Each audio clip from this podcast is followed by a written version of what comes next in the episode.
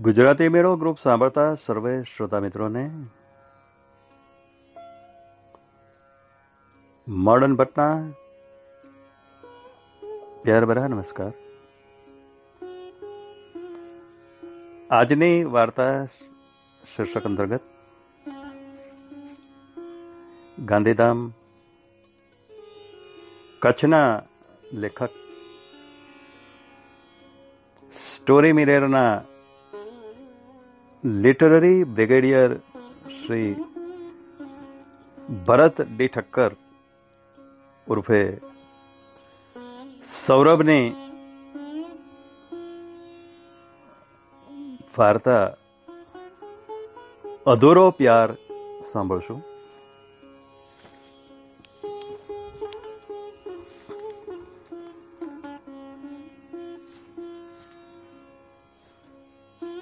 વાર્તા મોડર્ન ભટ્ટના સ્વરમાં ચાલો સાંભળીએ અધૂરો પ્યાર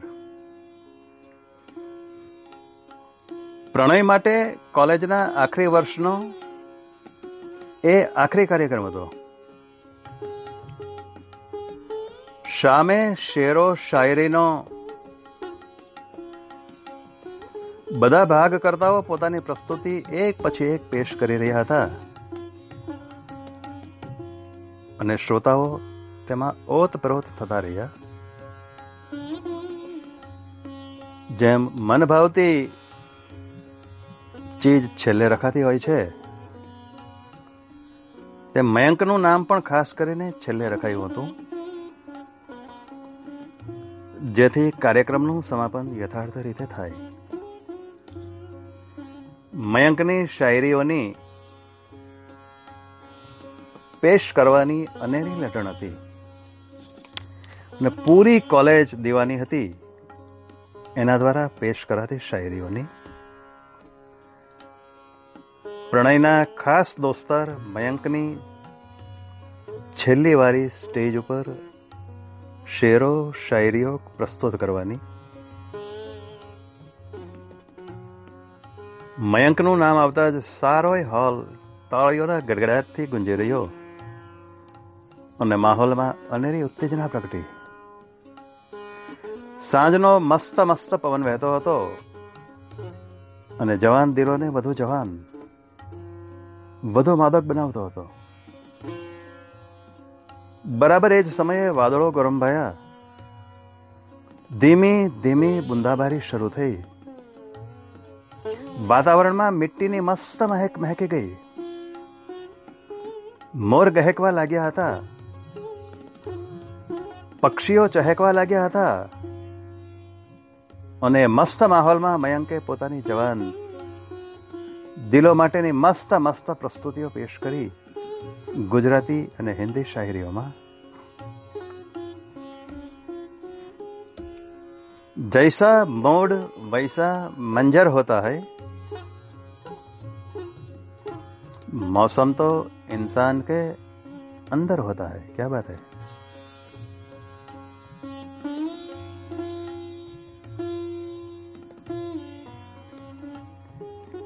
દુનિયાને પ્રેમ કરવા લીધો હતો જન્મ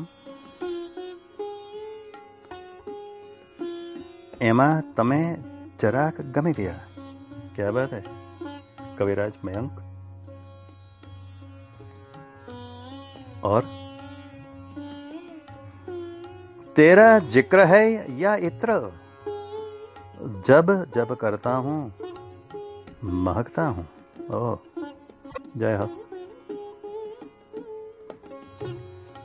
मेरी ख्वाहिशें तो आसमान तक पहुँचने की है।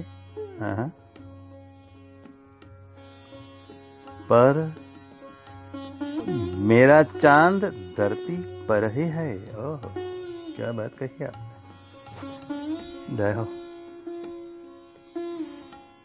तेरे हुस्न को पर्दे की ज़रूरत ही क्या है?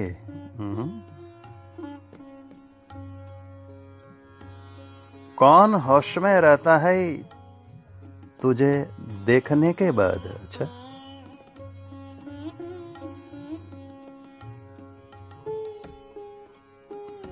कोरो હતો હું ભર વરસાદમાં और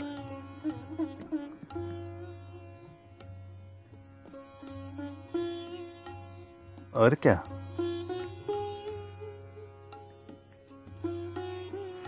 તમે છત્રી આપીને હું ભીંજાઈ ગયો એ તો અચ્છી વાત કહ્યા અભિમન્યુના સાત કોઠા જેવી છે તારી આંખો હા હા.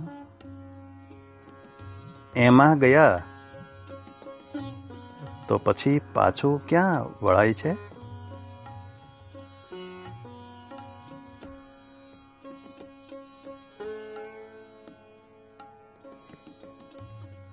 હું લખું અને તું વાંચે. પછી તો શબ્દો નટવર થઈને નાચે. હવે હે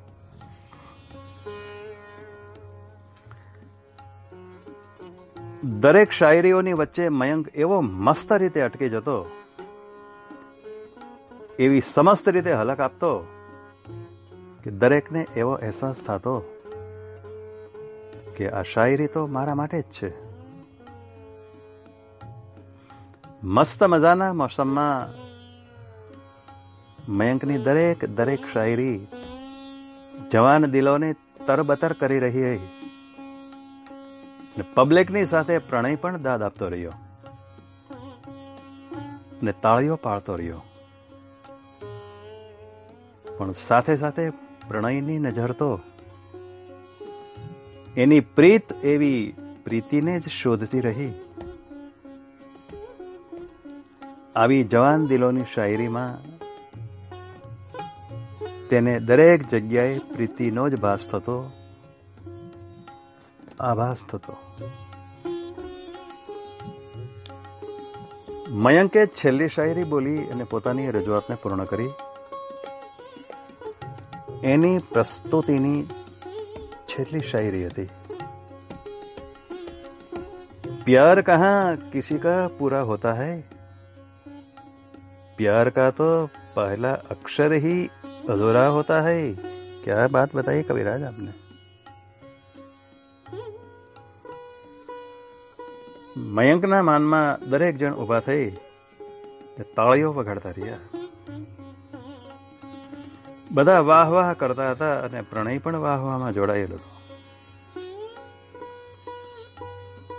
પરંતુ પ્રણયને ક્યાં ખબર હતી કે એની વાહ આહમાં ફેરવાઈ રહી હતી? એનો પ્રેમ, એનો પ્યાર પણ અધૂરો જ રહી જવાનો હતો. પ્રણયની છાપ કોલેજમાં હીરો જેવી. ઉડાવ. રંગીન અને રોનકી તરીકેની હતી. એના બે ફિકરા અને ખુશ મિજાજ પર્સનાલિટી પર પ્રીતિ મોહી પડી હતી. અને બંને વચ્ચે ક્યારે પ્રેમનો પમરાટ પસરી ગયો, એ બંનેને પણ ખ્યાલ ના રહ્યો. બંનેને એકબીજા વગર ચાલે તેમ ન હતું. છુપકે છુપકે અને ચૂપકે ચૂપકે બંને એકબીજાને મળતા રહેતા અને બંને એકબીજા સાથે જીવન જીવવાના વાયદાઓ કરી લીધા હતા પરંતુ પ્રીતિના મમ્મી પપ્પા આ સંબંધ સાથે સહમત ન હતા તેમને પ્રણય જેવો છોકરો કોઈ કાળે મંજૂર ન હતો પૂરા ઘરમાં આ સંબંધને રહીને કલહ રહેતો. ઘરની શાંતિ ડખોળાઈ ગઈ હતી. પ્રીતિની મમ્મીએ તો બહાર નીકળવાનું અને ખાવાનું પણ છોડી દીધું હતું. પૂરા ઘરમાં તણાવ રહેતો અને બેક રહેતી. ક્યાંક કોઈ અજોગતો બનાવ ના બની જાય. એક દિવસ,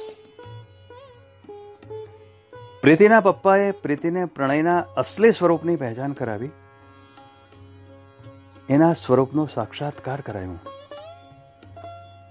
જુગાર રમતો પ્રણય એક ક્લબમાં પૂરો પીધેલો હતો અને એક સફાઈ કર્મચારી જેણે પોતાની પત્નીને માર માર્યો હતો, તેની ખૂબ પીટાઈ કરી રહ્યો હતો. પ્રણયનું આવું સ્વરૂપ જોઈને પ્રીતિ તો ઢકરાઈ ગઈ, હરવરી ગઈ. પ્રીતિના તો બધા સપનાઓ એક જ ઝાટકે સળગીને એવા ખાક થઈ ગયા કે રાખ પણ ના બચી. તેનો નૂર હણાઈ ગયું ને હુર જાણે કે તણાઈ ગયું.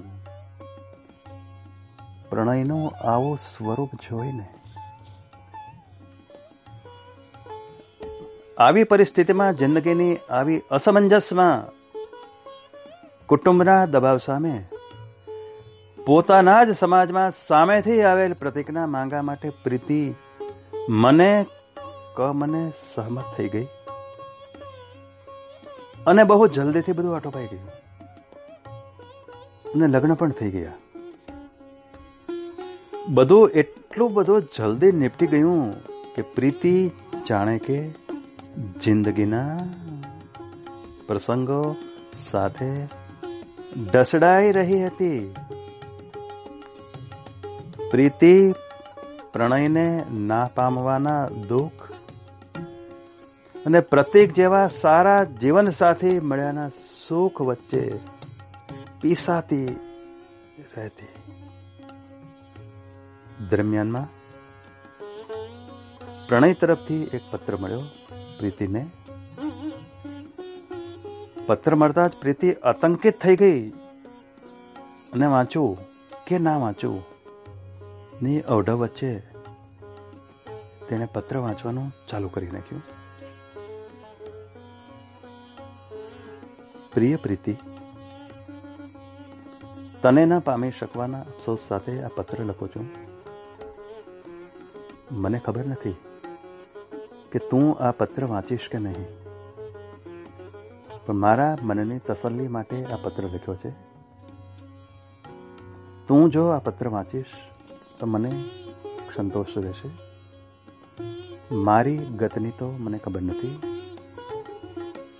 પણ મારી દશા અને અવદશા વિશે તને અવગત કરાવવી છે, જેથી મારો જીવ અવગતે ન જાય. હું તને કેટલા દિલથી ચાહું છે, એનું પ્રમાણ કોઈ શબ્દો આપી શકે તેમ નથી. મને તારા મમ્મી સામે કોઈ શિકાયત કે દોષ નથી.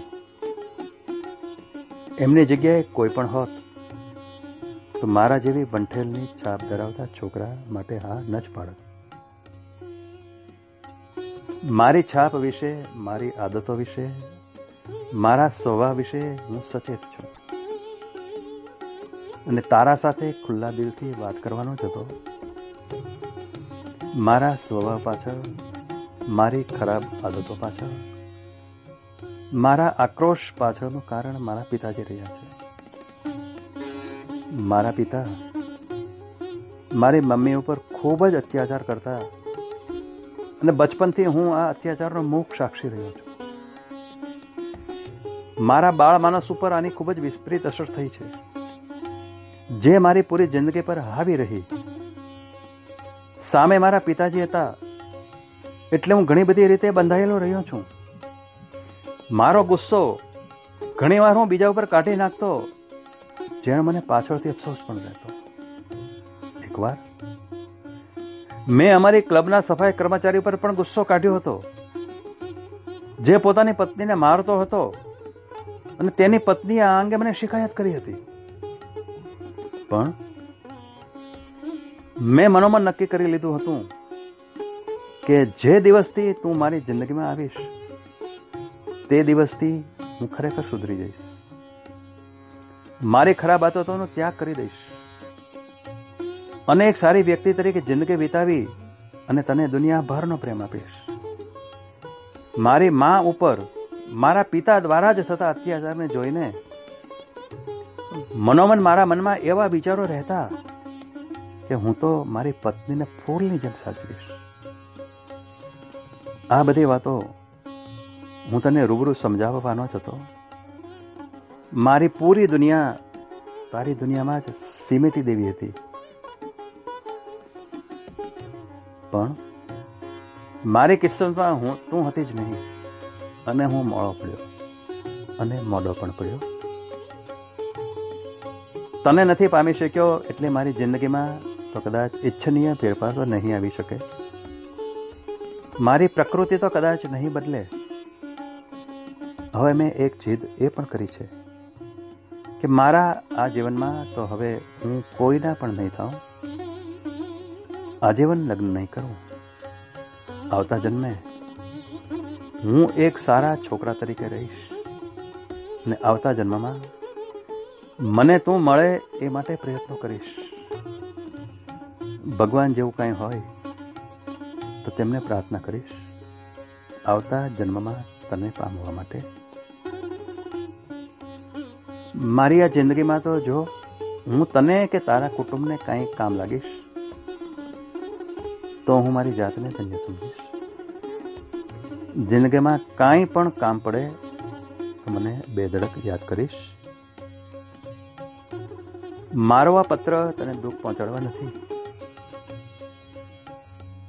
પણ તું મારાથી નફરત ન કરતી રહે, અને હું તને આવતા જન્મમાં પામી શકું, એટલે જ લખ્યો છે. મને વિશ્વાસ છે કે તું મારી લાગણીઓની, મારી ભાવનાઓને, મારી પરિસ્થિતિને સમજી શકીશ અને એની કદર કરી શકીશ. બાકી, મારી બાકી જિંદગી માટેનો એક શેર તારા માટે લખીને હું મારા પત્રને વિરામ આપીશ. जी रहा हूँ, ज़िंदगी तेरे बगैर कुछ इश।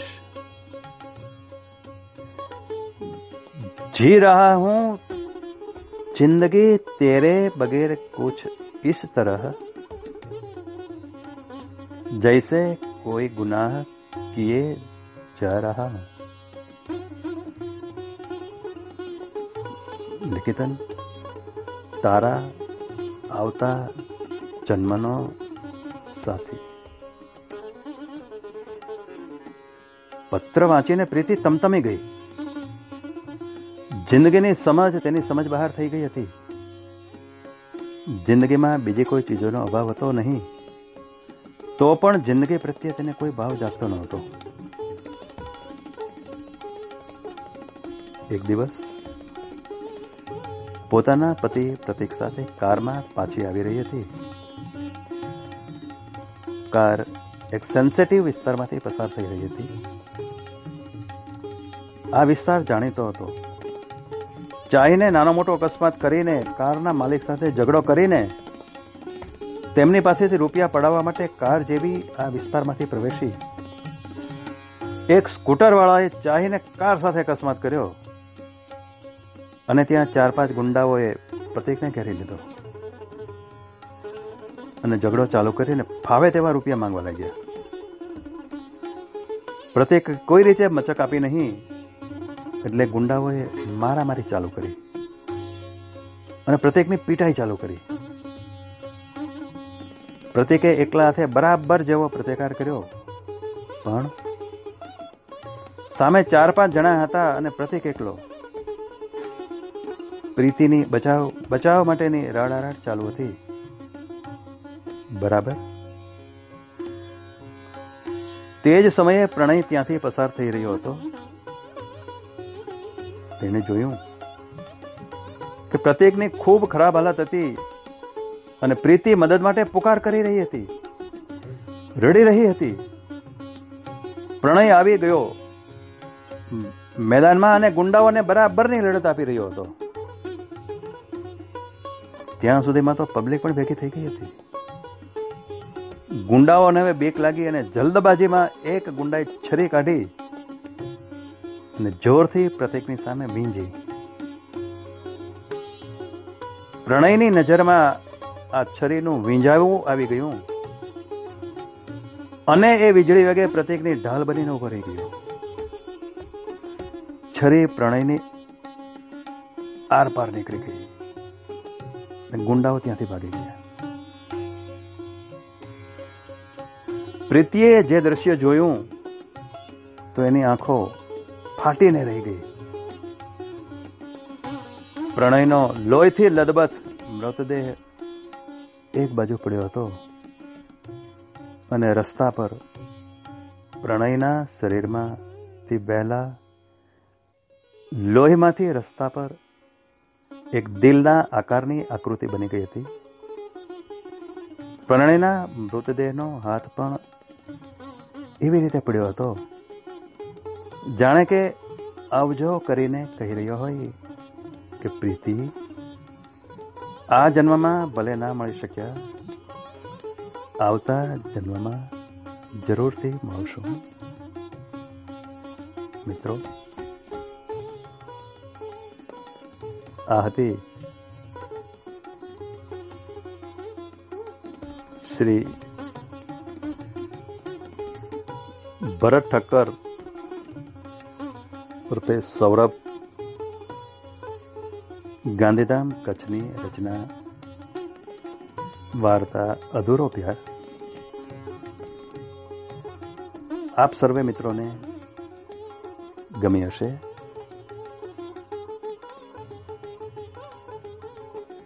આપના પ્રતિભાવો અમને